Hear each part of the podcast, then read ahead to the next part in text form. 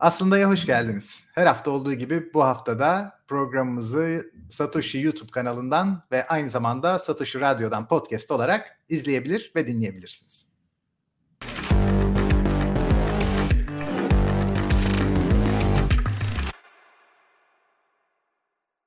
Kerem abi tekrar hoş geldin. Nasılsın? Hoş bulduk. İyidir. Senden ne haber? Ben de iyiyim. Seni bugün biraz zorlayacak bir konu var karşında. Senin çok iyi bildiğin bir konu insanı en çok en iyi bildiği konular zorluyor. O yüzden ya, ya. öyle olacağını düşünüyorum. Ee, senle sermayeyi konuşmuştuk iki hafta kadar önce. Bu kez de faiz konuşalım diyorum. Ee, ve faizde bizim ülkemizin bayağı bir yarası var. 90'lardan tut da zaten çok ezelden beri öyle de 90'lardaki o muhteşem çıkıştan sonra 2000'lerde sanki biraz dinmişti mesele ama şimdi özellikle son birkaç yıldır bu ciddi bir mesele olarak kendisini bizim gündemimizde sürekli olarak tutuyor. Tabii kafalar karışık. Reel faiz ne, nominal faiz ne, ne zaman kar ediyoruz, ne zaman zarar ediyoruz, yükseltmek mi düşürmek mi ne zaman neyi nasıl yapacağız? Bir sürü karışıklık var. Senden önce faizin ne olduğunu bir dinleyelim. tamam. Ee, şimdi sermayedeki gibi başlayacağım aslında. Ee, faiz tamamen parasal bir fenomen olarak görünse de e, aslında parasal bir fenomen değil temelinde. E, para e, işi kolaylaştırıyor. Aynı daha önceden belirttiğim gibi analizi zorlaştırıyor. O yüzden biraz daha e, geriye gitmem gerekecek. E, aslında e, faize direkt paranın kirası dersek e, parasal fenomenin dışında ne anlam ifade ettiğini daha e, kolay geçiş yapabiliriz. Kiralamak diye bir şey var sonuçta. Bir tek para için geçerli değil bu. Dayanıklı olan bütün e, üretim veya işte tüketim e, şeyleri kiralanabiliyor. Birçok insan kiralık evde oturuyor. Ki araba kiralıyoruz. İşte e, yani bir sürü şey e, özellikle dayanıklı tüketim mal, e, malzemelerinin kiralandığını biliyoruz. Şimdi kira bir, biri bir şey kiraladığı zaman e, bir kira ödediği zaman bu kira neye ödeniyor ona bakmamız lazım. E, birincisi tabii ki yıpranma payı. E, bir ev kiralıyorsunuz diyelim 3000 TL'ye 2 artı 1 ev kiraladınız 5 senelik kontrat yaptınız veya 10 senelik kontrat yaptınız e, ister istemez bu evin bir yıpranma payı var ev sahibi sizden bir kere bunu tahsil edecek. Ama sadece bu olamaz. Yani kimse sadece e, yıpranma payını yani harcadığı zaten maliyeti sadece geri almak için o da zaman içinde geri almak için size malınızı vermez. E, ikinci şey e, ona saf veya doğal e, kira diyelim. Oradan faize de geçiş yapacağım. Çünkü faiz de birkaç parçadan oluşuyor. Bu e, aslında zamanın ücretidir. Yani siz e, kendiniz ev sahibi olmak için harcadığınız zamanı harcamıyorsunuz. Bunu başka biri harcamış bir şekilde o biriktirmiş o zamanı. Siz o zamanı ödünç alıyorsunuz spesifik bir konu için, bir ev için veya bir otomobil için. Şimdi para işin içine girdiğinde e, dediğim gibi e, analiz zorlaşıyor ama e, ekonomik aktivite yani kiralama anlamında ekonomik aktivite e, çoğalıyor. Nasıl? Her ürün kiralanması zor olduğu için e, parayı kiraladığınız zaman bütün ürünler size açıldığı için aslında para kiralayarak bir sürü farklı şeyi herkes için farklı olabilecek farklı ihtiyaçları kiralama e, şansına kavuşuyorsunuz bir nebze. E, yani yine birikmiş bir zaman ama burada tekrar vurguluyorum bu parasal demek sadece parayla ilgili demek değil tekrar vurguluyorum çünkü gerçekten kiralayacak bir mal yoksa ortada veya borçla, kredi yani faizle aldığınız krediyle satın alabileceğiniz mal yoksa hiçbir şeyin anlamı yok. Yani ortada önce daha önceden üretilmiş başkalarının tüketmeyi arzuladığı ya üretim aracı yani üreti başka so, nihai hepimizin amacı nihai tüketim ürünü ve hizmeti üretmek ama onları üretene kadar aşamalar var. Sermayede konuşmuştuk. Yani üretim araçları da dolaylı olarak son tüketime e, servis ediyor ekonominin içinde. E, para borç alarak birden mesela siz bir e, cep telefonu kiralamak e, sıkıntılı bir iş olabilir. Herkes size kiralamayabilir. Ama borç alıp cep telefonu satın aldığınız zaman bir nevi ce, cep telefonunu kiralamış oluyorsunuz. Yani en likit varlığı kiralayarak e, bütün e, piyasada satılan malları kiralama imkanına kavuşuyorsunuz. Farklı bir yan e, şeyle. Şimdi e, normal mallarda yıpranma payı dedik. Teorik olarak e, parada bir yıpranma payı yok. Ama hmm. o nominal faiz dediğimiz o şeyi oluşturan yine e, parçalar var ama en temeli, en koru zamanın fiyatı dediğimiz o doğal faiz oranı. Yani faiz oranı genelde üç tane şeyden oluşur. Bir tanesi parada yıpranma olmamasına rağmen enflasyon satın alma gücünü yitirdiğin için yıpranma sayabiliriz onu. Bir enflasyon primi. O da beklentiyle alakalı. İki karşı tarafın risk primi. Üç e, natural rate dediğimiz yani bu doğal zamanın piyasada oluşmuş fiyatı. Bu fiyat nasıl oluşuyor?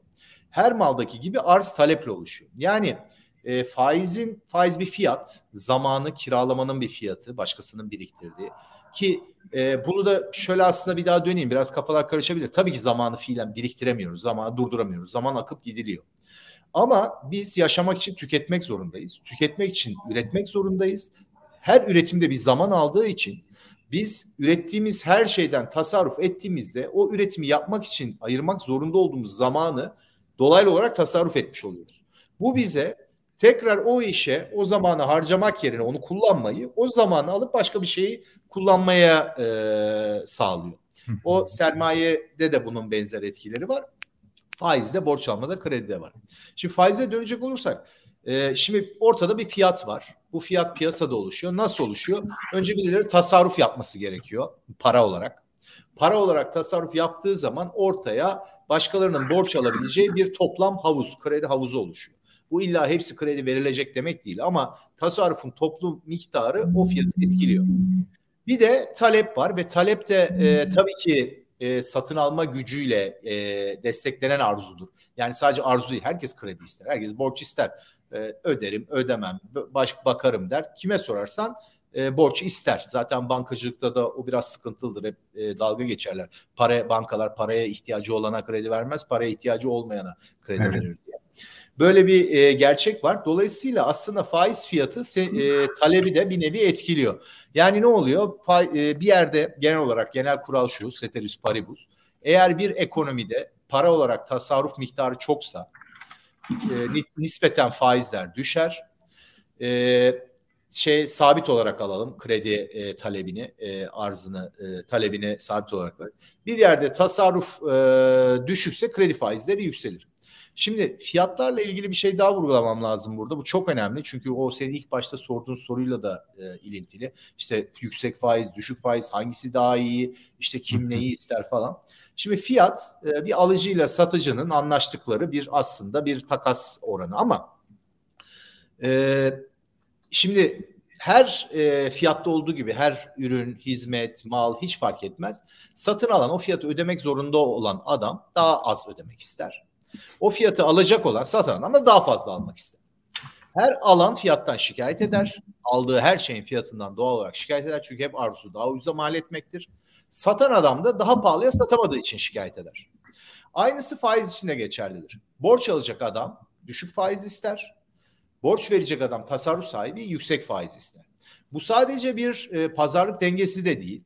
Çünkü fiyatlar sadece geçmiş transaction'ların, geçmiş alışverişlerin istatistik bilgisi değildir. Aynı zamanda bilgi taşırlar. Yani bir yerde faiz yüksekse bu şu demektir. İnsanları bir, faiz zaten yüksek olduğu için tasarrufa teşvik eder. İki, kredi talebini azaltır. Böylece bir ekolibrumda, geçici de olsa bir ekolibrumda, bir dengede e, bu şey bu e, e, dengeye oturur.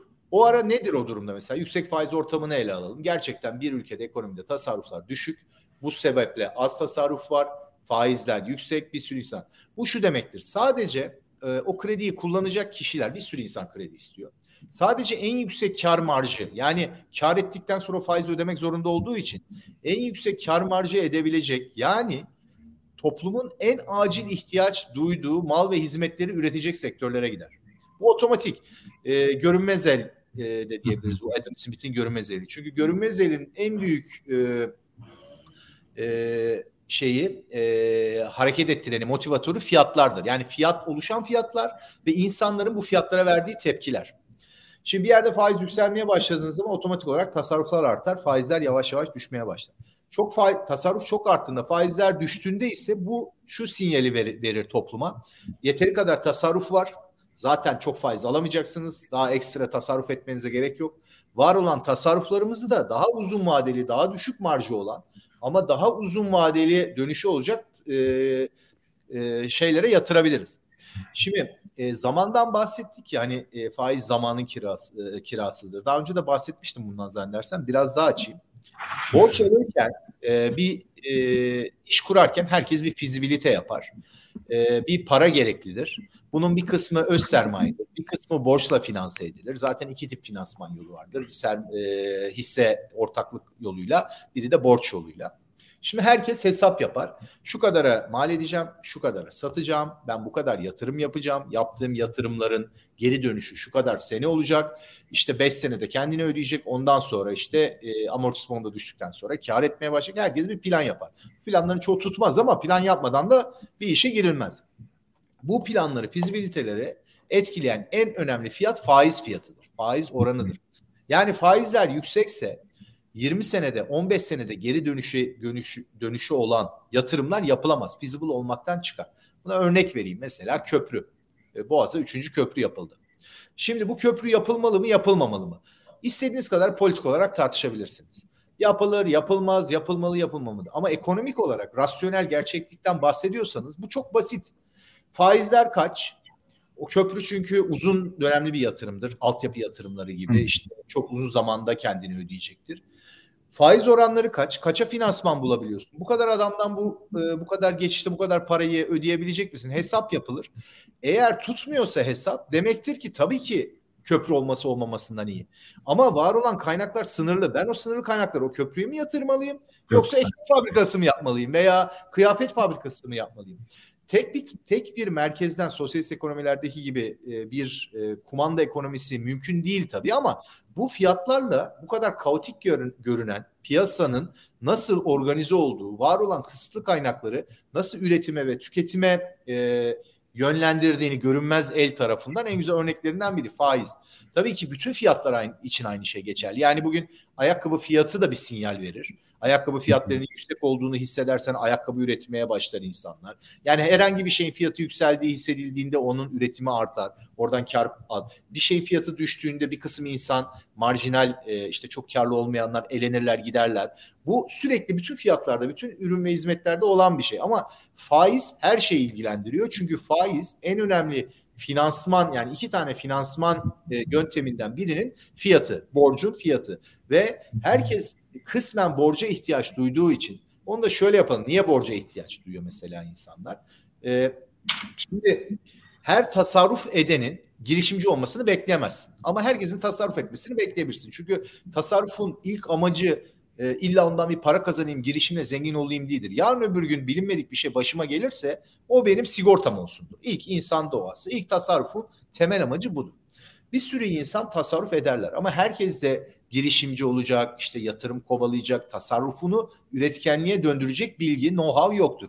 Dolayısıyla ne olur? Sen gidersin paranı bankaya koyarsın. Bu know-how bankada vardır. Kredi riskini analiz etme, işte bu para nereye kullanacak diye. Bankada o paraları alır, üzerine karını koyar. Girişimcilere yani bekleyecek zamanı olmayan o şey için. Çünkü ne kadar çabuk ben onu elde edersem alternatifim var. Ben o krediyi alamasam 5 senemi harcarım o parayı biriktiririm ama 5 sene kaybetmiş olacağım. Ben bir fırsat görmüşüm. Biri de vermek istiyor. Kullanmadığı birikmiş zamanı var. O kaynağı var. O diyorum ki ben ona sen bu zamanı bana ver. Ben bu fırsatı kaçırmayayım. Acil aklıma bir şey geldi. Bir şey yapacağım. Önemli bir şey. 5 sene bunu beklemek, e, biriktirmek için şey yaparsam bunun karşında ben sana bedel ödemeye hazırım. E, bak risk durumum bu, teminatım bu, işte diğer teknik şeyler giriyor borç şeylerinde ama belli bir süre sonra sana şey vereceğim. E, verdiğim parayı üzerine de o zamanın fiyatını vereceğim. Sen de karlı çıkacaksın, ben de karlı çıkacağım. Kredi mekanizması, krediyle finansman şeyi bu. Şimdi e, faiz e, buradan şeye geçmem lazım. Çünkü faiz e, en hor kullanılan ekonomilerde politik aracıdır. Yani bütün dünyada şu anda bu kağıt para sisteminde, merkez para sisteminde ve en büyük zarar veren her fiyat kontrolü zararlı. Bugün işte yükselen karşısında bir sürü ülkede fiyat kontrolleri konuşuluyor. İşte ülkemizde ekmek fiyatlarının e, tavanı var zaten. Yani fiyat kontrol ederek politik baskıyı yani genellikle politikacılar kendi beceriksizliklerinin sebep olduğu ekonomik krizlerden sonra artan fiyatları politik olarak onların işine geldiği için göstermelik fiyat kontrolleriyle tavan fiyat uygulamalarıyla baskılamaya çalışırlar. Bunun başka sorunlara e, açtı da e, aşikar daha sonra konuşuruz. Ama faiz en önemli fiyat olduğu için faizin manipüle edilmesi kadar tehlikeli ve ekonomi için zararlı, dengeleri bozan başka bir fiyat müdahalesi yoktur. Yani her fiyat müdahalesi kötüdür piyasaya devlet tarafından. Faize müdahale en büyük e, kötülüktür. E, ekonomiye verilebilecek en derin e, yaraları açan şeydir. Şimdi ve e, şöyle olur bu genelde. Farklı mekanizmalar kullanılır. Merkez bankalarının elinde farklı mekanizmalar var. Devletler e, faize sadece aşağıya doğru baskılama yoluyla manipüle edebilirler. Yukarı doğru çıkaramazlar doğal faiz. Şöyle örnek vereyim. Şimdi e, dedik ya e, faizin oranına bir piyasadaki e, tasarruf miktarı belirleniyor. Para şeklindeki tasarruf miktarı. Şimdi toplam bir para hacmi var ekonomide. İşte 1 milyon birim. Bunların bir kısmı atıl olarak tasarruf olarak duruyor. Diğerleri el değiştiriyor. Para olarak kullanılıyor işte. Sen alıyorsun ben veriyorum bilmem ne. Şimdi tasarruf e, olan o kısım paranın o kısmı normalde krediye e, uygun kısımdır. Yani bunun hepsi kullanılır kullanılmaz ayrı mesele ama orası bir havuzdur tasarruf havuzu. Şimdi bunun e, para hacmi arttığı zaman yani bunu düşürmenin yolu ya e, bilerek düşürmek için yapın bunu ya da başka nedenlerle. Piyasada para harcımı arttığı zaman ister istemez o havuzdaki miktar da artar. Bunun karşılığı gerçek ve mal ve hizmetler artmamasına rağmen. Yani paranın hem satın alma düşü tabii ki düşer. Enflasyondan bahsediyoruz. Daha önce de bahsettim. Ama e, faizler de düşer. Çünkü bu sefer yeni aktörler girmiştir. Yeni kaynakla havadan yaratılmış. Ben de borç vereceğim. Ben de borç vereceğim. İşte diyelim piyasada yüzde on e, faiz var. Hiç piyasada e, Merkez Bankası para e, basmıyor sabit para hacmi var. Tasarrufa ve ihtiyaçlara göre yüzde onda oturmuş bir faiz bedeli var piyasada. ve dediğim gibi risk primine göre, farklı şeylere göre, insanlara göre olabilir. Bana yüzde on iki de verirler. Sen, sen daha dürüstsündür, daha geçmişin vardır. Sana yüzde dokuz da verirler. Ama diyelim ki ortalama yüzde on. Merkez Bankası e, para hacmini arttırdığı zaman genelde kredi mekanizmasıyla arttırır. Yani Merkez Bankası bastığı parayla gidip de e, barda pavyonda eğlenmez veya işte gidip de Merkez Bankası'nın sahipleri veya şeyler gidip de alışveriş yapmazlar Migros'tan. Ne yaparlar? Kredi mekanizmasıyla e, piyasaya verirler bu, e, bu yeni üretilmiş parayı. Bu para piyasaya girdiği anda da ister istemez arzı arttırdığı için o e, kredi verilmesi e, için hazır bekleyen o tasarrufların üzerine geldiği için de e, fiyat düşer. Faiz oranı düşer. Şimdi bu başlangıçta herkesin çok hoşuna giden bir şey. Tasarruf sahipleri birazcık tabii ki e, mırın kırın edebilirler. Sonuçta faiz düşmüştür, kendi gelirleri düşmüştür. Hadi onlar rantiye, onları kenara atalım. Onlar kötü insanlar. Ee, paraya ihtiyacı olan ki herkesin paraya ihtiyacı var. Başta devletler olmak üzere işte büyük, büyük iş adamları, yatırımcılar düşük faiz bulmuştur. Ah ne kadar güzel. Ee, işte istediğimiz işi artık yapabileceğiz. Eskiden feasible görünmeyen işler bir anda feasible olmaya başlar. Çünkü evet. o Excel'de spreadsheet'e yazdığında yüzde on yazdığında error veren işte 5 senede çıkarmayan fizibilite yüzde beş yazdığında birden yeşil yeşil karlılığa dönüşüyor. Şimdi böyle çok güzel bir döneme girilir.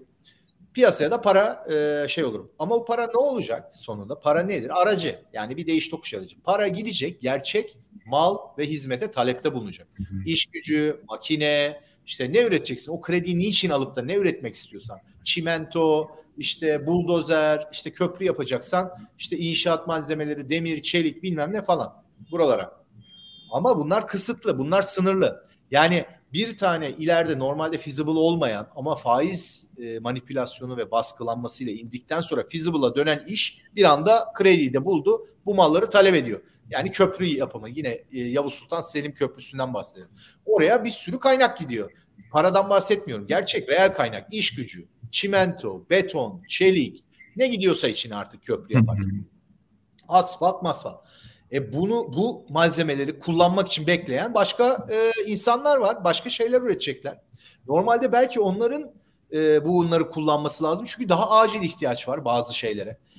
Ama bir güç yukarıdan fiyatları bozarak yani paranın çarçur edilmesine yani bir nevi şey gibi oluyor genel olarak. Sizin aslında bin liranız var. Bir gün bakıyorsunuz banka hesabına 10 bin lira görünüyor orada. Kendinizi zengin hissediyorsunuz. Harcamaya başlıyorsunuz. Ertesi gün banka arıyor. Diyor ki pardon yanlışlık olmuş. Biz bir sıfırı siliyoruz. 5 bin lira borcunuz var şu anda. Öyle bin liranız 10 bin lira olmadı. Biz bir yanlışlık yapmışız. Düşük faiz politikalarında da aynı böyle olur. Sınırlı kaynaklar olduğu için para sınırsız. Ama paranın kovaladığı kaynaklar, iş gücü dahil her şey sınırlı olduğu için bu düşük faiz yüzünden işte normalde feasible olmayan, çok uzun vadeli, o an toplumun ve ekonominin tasarrufunun kaldırmayacağı yatırımlar yapılır. Genelde bunlar göz boyama da yatırımlarıdır politik sebeplerden dolayı. İşte ben şunu yaptım, bunu yaptım. Genelde Orta Doğu'da bu monument şeyi vardır işte. Evet. Ee, anıtsal yapar. mimari. anıtsal mimari. Bu tip şeyler. Ve e, işin kötüsü yani bu e, yanlış e, kıt kaynakların yanlış deploye olması pardon deyip düzeltilecek bir şey değil. Yani o köprüye, üçüncü köprüye giden şeyi pardon biz Lego gibi biz bunu söktük. Yanlış yaptığımızı anladık. Sökelim bunu. Daha ihtiyacı olan işte fabrikalara kullanalım diye olmuyor. Sermaye evet bazı sermaye malları repurpose yani başka şeylere yönlendirilebilir. Ama çoğu ziyan olur. Yani bazı makineyi burada kullanmadın, orada kullandığın olabilir ama bir şey yapmışım binayı bomboş duruyor hayalet şehir. İşte Çin'de veya işte değişik ülkelerde böyle merkezi planlamayla sosyal konut projeleri yapılır bir yerlere. Bir bakarsınız onlar politik projelerdir. 3-5 tane bürokrat veya politikacı için yapılır. Göz boyamak için bakarsın hayalet şehirler kimse yaşamıyor. Boşa giden onları alıp başka bir şey çevirmenin imkanı yok. Çürüyorlar, veriyorlar bir sürü şey e, harman vurup harman savruluyor ve çürüyor. E, şimdi bu ve bu e, kötü etki yani e, aslında bu sermayede konuştuğumuz gibi sermayenin o kompleks ve katmanlı yapısını bozan yani faiz e, o, e, zannedersen faiz olayından bahsetmiştim sermaye şeyinde de. E, faizin manipüle edilmesi özellikle aşağı doğru manipüle edilmesi bütün o kompleks sermaye yapısını bozuyor. O çok güzel çalışan görünmez eli kırıyor bir nevi. Yani elin artık bir şey kalmıyor. Fiyat mekanizması bozulduğu için, sinyaller bozulduğu için bütün e, kendi bağımsız aktörler e, piyasa aktörleri işte üretenler, tüketenler hepsinin sinyalleri şey oluyor ve bir anda bütün gerçek e, şeylerini tüketiyorsun, e, gerçek tasarrufunu ve cız yılda kalıyorsun tasarrufsuz, parasız, işte şeysiz. E, Merkez Bankası diğer taraftan faizi yükseltemez. Nasıl yükseltemez? E, diyebilir ki piyasada yüzde on faiz var. Ben piyasayı e, faizi yüzde on beş yaptım kardeşim. Yani bu e, sopayla olmayacaksa adamlar hala yok biz memnunduk derler. Yani Merkez Bankası aslında şunu diyor. Benden alırsan yüzde on beşte veriyorum. Bu da şu demektir. Yüzde onla bulan adam yüzde on beşte almayacağına göre Merkez Bankası'ndan almaz. Faiz yükselmez. E, para hacmi de artmaz. Yani enflasyonu bitirmek hani şimdi enflasyonla mücadeleler konuşuluyor ya Amerika'da dahil yüzde yirmi şimdi bol bol atıp duruyorlar. İşte enflasyonla mücadele etmek için elimizden geleni yapacağız. Bütün araçları kullanacağız. İşte Merkez Bankası başkanları konuşuyor. Böyle yapacağız.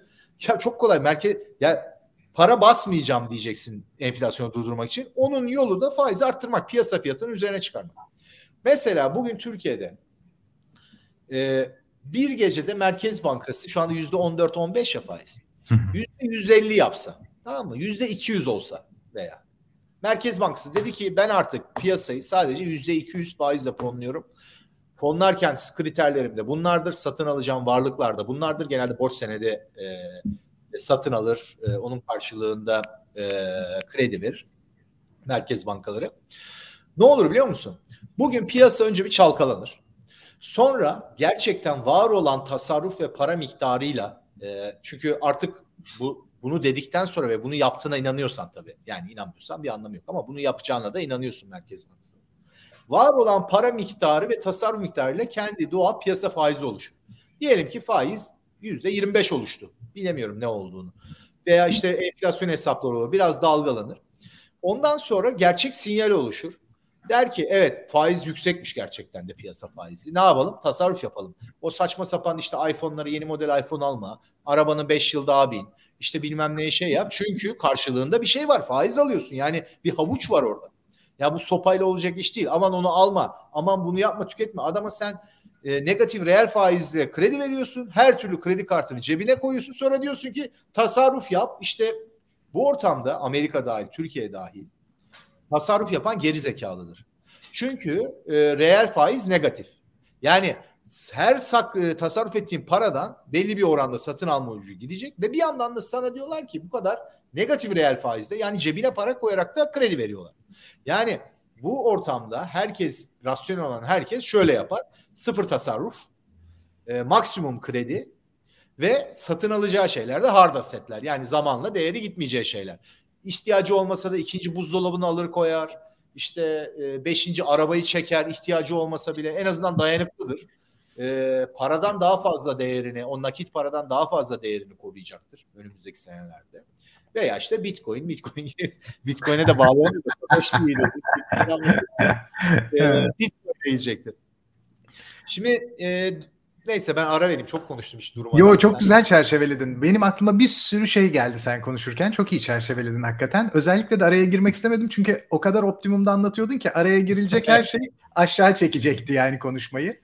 Şimdi şu köprüyle başlayalım sondan. Aklıma gelen son şeylerden bir tanesiydi. Bana güzel bir örnek olarak göründü o. Devletin müdahalesinin kaynakları nasıl israf ettiğiyle ilintili bir şeydi. Bir de sanırım bunun tersi var. Tersi var diye aklıma geldi çünkü. Şunu düşündüm sen konuşurken. Türkiye'de, Orta Doğu'da çok fazla AVM var. Ama Batı'da AVM'nin merkezi bulan yer orası olmasına rağmen bu kadar çok AVM yok. Ve kafamda şöyle bir ışık yandı. Dedim ki devlet orada gerekli olan altyapıyı daha önceden sağladığı için caddeler, bulvarlar geniş, büyük mağazalar var. İnsanlar dolaşırken risk altında hissetmiyorlar. Tertemiz bir ortam, yağmur yağdığında su basmıyor, çamur yok. Bu yüzden insanlar doğal olarak caddeye iniyorlar ve alışverişi orada yapıyorlar. Bazı devletlerin bu aşamayı yeterli şekilde kaynak ayırıp gerçekleştirmemesi, sokağın çamurlu olması, güvenliğin düşük olması, ışıkların açık olmaması, her adımda bastığınızda kaldırımda biliyorsun sen de İstanbul'da su sıçrama riskinin olması. Evet. Böyle e, riskler özel sektörü devletin hali hazırda altyapısını sağlamadığı alışveriş caddelerini minik kompleksler olarak ürettiriyor ve devletin yapması gereken altyapıyı özel sektör dar bir alanda gerçekleştiriyor. Böylece ama herkes... bu iyi bir şey. Yani bu Şimdi iyi neden şey. kötü olduğunu söyleyeceğim ama. Tamam tamam. Ee, Hiç çok değil yani. Üstelik. tamam. Bence değil çünkü yeni Metro City'deydim. Kapanmış her şey. Ee, Bakırköy'de de Town Center diye bir yer vardı. Çok uzun yıllar kapalı kaldı ve sonunda bir üniversite orayı kampüs haline getirdi ama 5-6 yıl Bakırköy'ün en iyi yerinde atıl kaldı. E, bu Metro City de öyle. Levent'te çok nitelikli bir araziyi şu an aslında işgal ediyor resmen. E, şimdi Güngören'de bir yer kapandı yine adını hatırlayamıyorum. Ora, Oba öyle bir AVM vardı. Çok büyük yatırım yapılmıştı kapandı. Bunların tümü müdahale edenin bazen müdahale etmesi gerektiğinde müdahale etmemesinden dolayı da özel sektörün yine israf yapmasına yol açabiliyor. Aklıma bu geldi. Ee, ona şöyle cevap vereyim. Bu biraz şeye benziyor. Dediğin doğru. İlk tespitini haklısın. Bugün mesela Nijerya'ya, Kenya'ya gidersen de e, normal telefondan çok cep telefonu vardır. Niye? Normal telefon şeyini kaçırmışlar. Altyapı yok. Onu bir daha uğraşacağımıza. Aynısı benzer şekilde alışveriş sokakları, promenatlar yerine işte alışveriş merkezleri ve şehircilikle ilgili. Doğru. Ama şunu unutma. Sen mesela demin e, şeyinde de söyledin o kapandı bu kapandı. Bunlar kapanıyor. Devlet olsa kapanmazdı. İsrafa devam ederler.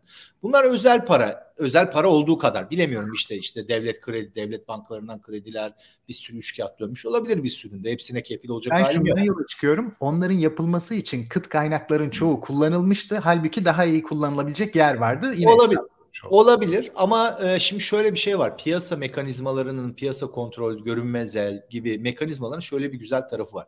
Eninde sonunda dengeleyici mekanizmalar var. Sen, ben veya evet. üçüncü bir şahsın keşke bir sübjektif görüşleriyle bağlanamaz. Yani e, ne kadar bildiğini düşünürsen düşün, ne kadar e, o konuda şey olursan ol, senin merkezden e, bir sürü bilgiye hakim olup da orada o işlere karar vermen Olmuyor işte yani yıllardır komple ekonomilerde sosyalizmde denedi, parça denendi olmadı. Sektörlerde de olmuyor. Yani komple ekonomide de olmuyor, sektörlerde de olmuyor. Şehirler e, organik, daha organik yapılar. Yani çeşitli e, piyasa güçlerinin ve sosyalleşme güçlerinin oluşturduğu organik yapılar. Mesela e, çok basit New York'la ilgili çok söylenir. New York City'nin Manhattan'ın bir skyline'ı vardır işte böyle baktığın zaman özel Brooklyn'den baktığın zaman dışından baktığın zaman gökdelenler ışıkları falan görürsün. İşte şu andaki kafa olsa bu 1920'lerde 30'larda 40'larda olmuştur o dönem. 20'lerde başlayıp sonra büyük buhranla bir dur, durup ondan sonra ya yani İkinci Dünya Savaşı'ndan önce e, olmuştu. Yapılmıştı. Çoğu yapılmıştı. E, şu kafa olsa hiçbiri olmayacaktı. Yani zamanında kısmen yanlışlıkla mesela Türkiye'de de o yanlışlıkla özgürlük şeyleri çok vardır 90'larda özel radyo ve televizyonlarda. Hmm. Tesadüfen özgürlük. Yani orada biri e, bir şey olmamış, orada kimse şey yapmadan patır patır bir şeyler olmuş. Aa güzel olmuş. Neyse o konuyu dağıtmayalım. Olabilir evet e, şehir e, her türlü yatırımda kötü yatırım olabilir. Bu zaten elenir e, girişimciler bir başka konuda girişimciliği de belki sermayeyi yaptık. Girişimciliği Tabii, ayrı ele alırız. E, girişimciler çok önemli aktörlerdir ekonomilerde ve hep çoğunlukla yüzde 99 hata yaparlar. Yani her kurulan evet, işin yüzde 98'i falan ilk 3 senede yüzde 99'u da ilk 5 sene sonunda batmış oluyor. O zaman bir sorum daha var. E, parayı faiz kiranın yani şöyle diyelim kirayı paranın faiz olarak aldığı bir yapı kurduk. Normalde aslında her şey kiralanabiliyor. Para kiralandığında faizmiş gibi düşündük. Paranın tabii diğer bütün emtialara göre bir üstünlüğü var. Çok hızlı başka şeye dönüşebilme. Ee, konuşmada şöyle bir şey demiştin Kerem abi. Aslında sonradan onu biraz revize de ettin. Paranın değeri kendi kendineyken kaybolmaz demiştin. Sonra ama revize ettin. Çünkü ben de tarihte şöyle görüyorum. Her para Yıpram, durmaya yani başladığı paranın... anda Yıpranıyor. Tabii. Evet, yıpranıyor. Yani e, fiziksel olarak yıpranmaz anlamını söyledim. Ha, anladım. Tamam. Şimdi yani bir denominasyon olarak ben sana 1 milyon TL verdiysem 1 milyon TL yıpranarak 999.999'a dönüşmez. 1 milyon Ama realde ona dönüşüyor. Evet ama enflasyon yüzünden satın alma gücü kaybettiği için onu bir nevi yıpranma diyebiliriz. Yani evet. Para, zamanla olduğu için. Şöyle diyecektim ben de. Para kenara koyduğumuzda statik bir enerji değil, kinetik bir enerji. Her tarafa akabiliyor. Halbuki bir bina yaptırdığımızda hemen döndüremiyoruz. Statik yani böyle satışı uzun parçalarını ayıramıyorsun. Para öyle değil. Her şeye dönüşebiliyor. O yüzden ötekilere göre bayağı kıymetli görünüyor. Fakat bu kıymetli şey de enerjisini aynı bir batarya gibi içine doldurduğumuzda hiç kullanmasak bile belli bir zaman içinde tüketiyor. Yok olmaya yaklaşıyor enflasyonist etkilerden. Mesela yeni TLC'de bir program seyrettim. Bir, e, evler yapıyorlar biliyorsun sık sık. 1785'te yapılmış bir çiftlik evinden bahsediyorlardı. 400 dolara yapılmış mesela. Tabii şu an işte 10 milyon dolara satıldı. Bu bile zaman içinde işte zaman uzadıkça da kısa, kısa olsa bile paranın değer kaybettiğini biliyoruz. Zaten diğer türlü hiç kimse faiz vermeye razı olmazdı. Sorun şuradan kaynaklanıyor. Demin sen onu çok ayrıntılı anlattın zaten. Hali hazırda para değer kaybettiği için en iyi enerji durumunda bile olsa realitede herkes o paradan kurtulmak istiyor. Çünkü onun hemen daha nitelikli bir şeye dönüşmesi gerekir. Daha statik görünen bir şeye.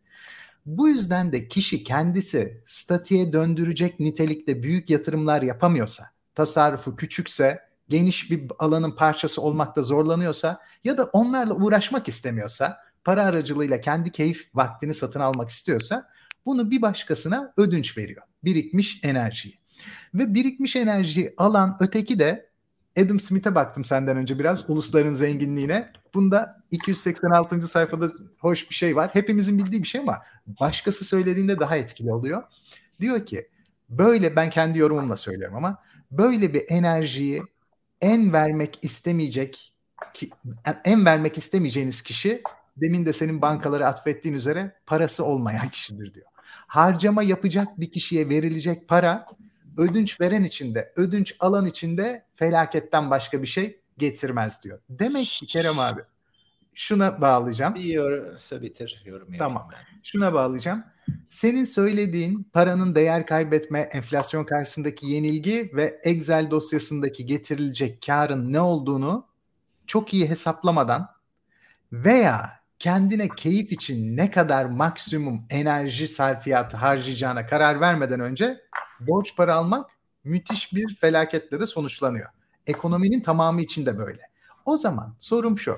Faiz bizi harcama yapmaktan kaçındıran bir mekanizma olarak icat edilmiş aslında. Ama Türkiye'deki şu andaki durum bizi harcamak zorunda bırakıyor.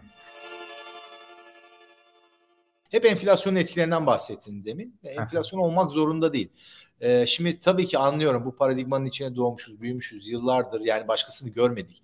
Değer kazanan bir para birimi görmedi kimse. Son 50 senedir, evet. 70 senedir neyse. Zaman içinde ufak ufak da olsa değer kazanan bir para birimi görmedi. O yüzden herkes parayı e, hemen alayım, bir an önce kurtulayım, e, mümkün olduğu kadar az tasarruf edeyim. Gerek yok. Zaten basıp kredi veriyor herkes. Ama öyle Bu düşünmüyoruz tabii. Tasarruf etmesi yani, gerekiyor. Enerjiyi kaybolmadan başka bir statikle değiştirecek. Yine de yine de ol, olması gerekenden az tasarruf ediyor. Çünkü karşılığını alamıyor. Çünkü diğer taraftan borçlanmak daha rasyonel, daha akıllıca. Çünkü paranın yani e, nominal e, şimdi mesela nominal faiz, reel faiz diye girdin ya başta o farkını da anlatalım. Çok zor bir fark değil. Nominal faiz işte e, sayılarla belirtilen yüzde on, on beş bilmem ne neyse odur. E, yazılı e, faiz. Reel faiz ise bunun e, işte enflasyon primini düşersin ama o da sıkıntılı bir şey. E, yaklaşık bize bir fikir verse de enflasyon hesaplanmasından CPI veya tefe tüfe dediğimiz şeyin hesaplanmasının büyük problemleri var. Onu e, şimdi detaylarına girip dağıtmayayım. E, tam da olmasa da yine bir fikir verir ama yani e, yüzde e, üç beş neyse kaybetti zaman. Ben e, faizle nominal faiz yüzde on yedi atıyorum e, borç veriyorum. Enflasyon yüzde yirmi beş. Yani ben parayı geri aldığımda e, satın alma gücü faiz almama rağmen daha düşük. Evet. Veya şöyle bir örnek vereyim. 100 TL ile e, siz alışverişe gidiyorsunuz bugün bir, bir e, torba dolduruyorsunuz markette. E, eve geliyorsunuz, kenara koyuyorsunuz. O 100 TL'yi faize yatırıyorsunuz. Bir sene sonra elinize 120 TL mi geçti? 120 TL ile yine aynı markete gidiyorsunuz. Daha az ürün alabiliyorsunuz. Yani faiz almanıza rağmen enflasyonu bile yenememişsiniz. Yani bırakın zaman değerini yani tasarrufunuzun bir zaman değerini borç vermeyi o doğal olması gereken olmazsa olmayacak o doğal faiz pozitif faiz oranını geçtim enflasyonu bile yakalayamamışsınız. Onun sebebi de tabii e, bu çok uzun sürmez. Yani e, o sebebi geçici olması beklentilerdir. Yani beklemediğin kadar çok çıkar enflasyon e, şeyde kalırsın, tufaya gelirsin veya işte dersin ki tamam veriyorum şimdilik ama enflasyon nasıl düşecek? Bu geçici bir şey. Hadi bir seferlik birazcık zarar alalım ama şeyimi bozmayayım, tasarrufum gitmesin diyebilirsin. Ama belli bir süreden fazla süremez. Yani hiç e, var olmayan denizlerdeyiz şu anda. Hiç yaşanmadık bir şey diyorum. Bunun sonu felaket. e, ve bu yaşandığında e, felaket geldiğinde yine başka mazeretler de e, tabii ki e, sunulacak. Her ülke başka bir dış güç buluyor. Herkesin en favori şeyi her politikacının dış güçtür. Yani illa bu ülke dışında olmasına gerek yok. Aynısını Amerika'da yapıyor, İngiltere'de yapıyor, Rusya'da, Çin'de yapıyor. Hatta babası Çin'de var. Yani 2500 3000 senelik bir kültür oldukları için yabancı düşmanlığı, xenofobi, dış güçler Çin'de bizimkinin 10 katıdır. Neyse her beceriksiz politikacı e, suçu başkasına atar. Onlar da yine başlayacaklar. Şöyle oldu böyle oldu. Ama bunun delice olduğunu görmek için yani düşünün sen benden borç istiyorsun 100 lira. Bırak yani ben bir geri e, satın alma gücü daha düşük bir şey vereceğini bile bile sana bunu borç verir miyim? Tutarım daha iyi yani en kötü bir şey vermem. Yani e, en azından benim cebimde kaldığında bile satın alma gücünü kaybedecek olsa riski almam. Yani sana niye vereyim? Yani bunu bir bir mal satıyorsun üzerinde para veriyormuşsun gibi bir şey oluyor. Herhangi bir manava gittiğinizde siz işte bir kilo elma aldığınızda elmayı al ben de üzerine 5 lira vereyim der mi? O sizden para ister değil mi? Onun gibi bir terse dönme durumu var burada maalesef. O da e, işte klasik bu birbirini besleyen merkez bankalarının işte illa faizi düşüreceğim, faiz düşürecek ekonomiyi canlandıracağım.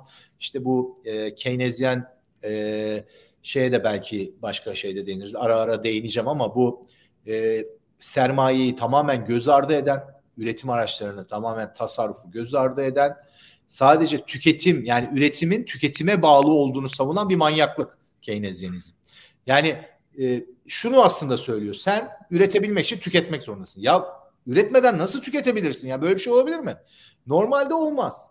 Ve bunu barter ekonomisinde Robinson Crusoe dediğimiz o basit örneklerle bunu kimseye anlatamazsın. Ama işin içine para girince zaten belli de bir sermaye varsa sen sermayeden milleti yedirip çaktırmadan aslında üretmeden tüketiyormuş durumuna sokabilirsin geçici bir süre ve kandırabilirsin ve ekonomiyi de dengesinden bozabilirsin ve aa bak gördün mü benim Keynesyen işte tüketimi stimüle eden politikalarım çok iyi çalıştı. GDP işte yüzde üç arttı. Gayri safi milli hasıla şu kadar arttı diye biraz istatistik şov yapabilirsin.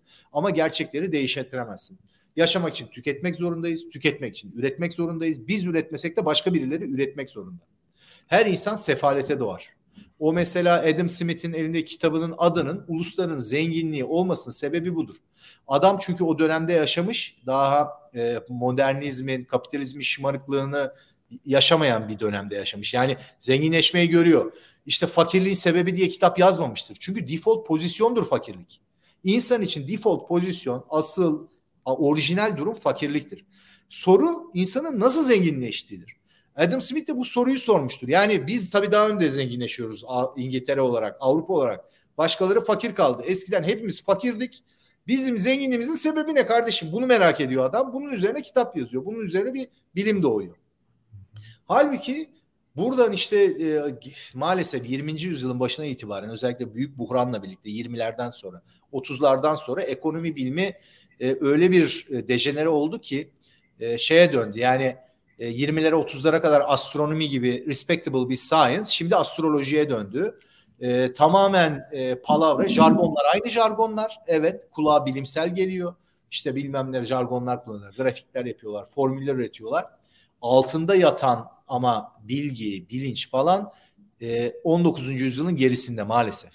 Peki Ve, şimdi şunu merak ettim ama tam da söylediğin tarihle uyuştuğu için soruyorum. Keynes zaten aslında 29 bunalımından sonra işte birden durgunluğa giren dünyada nasıl bir şey yaparız da durgunluğu atlatırız diye düşünüyor. Onun kurduğu devletçi sistemde ya kimse tüketim yapmıyor. Harcama yapmıyor. Bari hiç değilse devlete harcama yaptıralım da piyasa dönsün tekrar her, herkese para pompalansın diyor. O bir dönemsel yaklaşım. Tabii o dönemsel yaklaşımı dönemin içinden çıkıp hala devam ettirmek isteyince sorun çıkıyor muhtemelen. Ama Keynes kendi işte dönemi için dönemsel dönemsel bile olsa dönemsel olarak da yanlıştı. Yani millet bir şey tüketmiyorsa bunun bir sebebi var. Geçici o dönem içinde yanlıştı. Şu anda çok daha yozlaştı. Belki Keynes kendisi görse de şu anda manyak mısınız siz derdi bilemem. Ama kendisi kötü bir yol açtı ve e, o dediğim ekonomi bilimindeki yozlaşma e, zaten şeyle paralel gidiyor. Devletin büyümesiyle, merkez bankalarıyla şu anda dünyada ekonomistlerin %99.9'u direkt veya dolaylı olarak devlet için çalışırlar. Ya devlette memurdurlar. Ya devlet e, kurumları, e, yan kurumlarda çalışırlar. Ya devletlerle alakalı STK'larda çalışırlar. Ya devlet kontrolündeki akademide çalışırlar. Dünyanın her yerinde devlet tarafından desteklenen akademide çalışırlar. Ya da devlet tarafından oligopoli olarak kontrol edilen finans sektöründe çalışırlar. Yani serbest falan değildir. Yani devletin kontrolündedir. Bankacılık, finans falan filan gibi. Ve zaman içinde e, devletin işine geldiği gibi buralar şekillenmiş. E, bir nevi işte e, saray soytarılığını eskiden hani işte padişahları, kralları evlendiren saray e, soytarısı gibi düşünebilirsin bunları. E, şeyin imparator ne isterse onu söyleyen, işte onların politikalarını haklılaştırmaya çalışan yozlaş. Bu bir bilim haline döndü maalesef ve bugün iktisat fakültelerinde gidip de ekonomi öğrenmenin yolu yok. Tam tersi bir sürü yanlış öğreniyorsun. Yani o bardağı doluyken de tekrar doldurmak zor olduğu için unutmak da onların hepsini kafadan silmek de zor oluyor. Yani ben, ben kimseye iktisat fakültesine gitmeyi tavsiye etmiyorum. Hiçbir fakülte yani üniversite Ben de vermeden. iktisat fakültesi mezunuyum lisansta. İktisat, ekonomi öğrenmek istiyorsanız dışarılara bakacaksınız. Ee, işte bir sürü kaynak şey yapabilirim ama en güzeli tarihsel olarak yani ekonomi biliminin gelişimini de takip ederek kim nerede ne yanlış yapmış bir evvel bir sonraki ekonomistin bir evvelki ekonomist eleştirileri neydi? İşte e, daha önce de konuştuk o Adam Smith, Ricardo, John Baptiste, Karl Marx bir sürü insan ekonomi konusunda kısmen de olsa ve özellikle 20. yüzyılın başında 1920'lerde başlayarak Avusturya ekolü diye önemli bir ekol vardır. Marjinal fayda teorisiyle ilgili, subjektif değer teorisiyle e, ve e, bu business cycle, faizin önemi, sermaye yapısı, kompleks sermaye yapısı gibi şeyleri e, vurgulayan ve unutulan maalesef şu anda akademi dışında sadece e, kitaplar ve işte e, orijinal eserler ve onu destekleyen daha modern eserlerle bir külliyat var tabii geniş bir külliyat. Ama e, bunları textbook işte okul iktisat fakültelerinde değinmezler bile. Çok ender yani bir iki tane çıkıntı Amerikan Üniversitesi'nde işte tesadüfen oraya bir ekonomi profesörü geldiyse o kanattan işte yavaş yavaş ufak ufak sokarlar. Ama zaten ben ekonomi iktisat e, biliminin böyle bir profesyonel bir eğitim olduğunu da düşünmüyorum daha liberal arts yani insana bir şey katan. Yani çünkü ekonomi bilimini öğrenince ekonomi, çok iyi bir ekonomist olsan yani benim standartlarıma göre bile çok iyi bir ekonomist olsan astronom olmaktan fark yok. Yapacağın bir şey yok. Yani anlıyorsun, biliyorsun. O bilmek sana zevk veriyor. Anlayabiliyorsun neyin ne olduğunu ama yapacak bir şeyin yok. Çünkü yani ekonomiye müdahale etmek tepeden bir 3 yaşında çocuğa e, bir kerpeten bir de saatli bomba ver al bununla oyna demek gibi bir şeydir. Yani bu kadar kompleks baş edemeyeceğim bir şeyi o hübrisle, o kendini beğenmişlikle işte tepeden ben bunu böyle yaparım, ben faizi düşünürüm, ben şu kadar kudretliyim falan dersen bedelini çok ağır ödersin. Başkalarına da ödetirsin. Yani halka da ödetirsin. Bütün topluma ödetirsin. Kerem abi bu hafta çok formundaydın. Harika şeyler öğrendik. Çok teşekkürler. Haftaya yine yeni bir konuyla senle beraberiz. Görüşmek üzere. Görüşmek üzere. Teşekkürler. Bye bye. Program bitmeden şunu da hatırlatmak isterim. Bu hafta olduğu gibi daha önceki ve bundan sonraki programlarımızı da yine Satoshi TV YouTube kanalından izleyebilir. Aynı zamanda Satoshi Radyo podcast olarak dinleyebilirsiniz.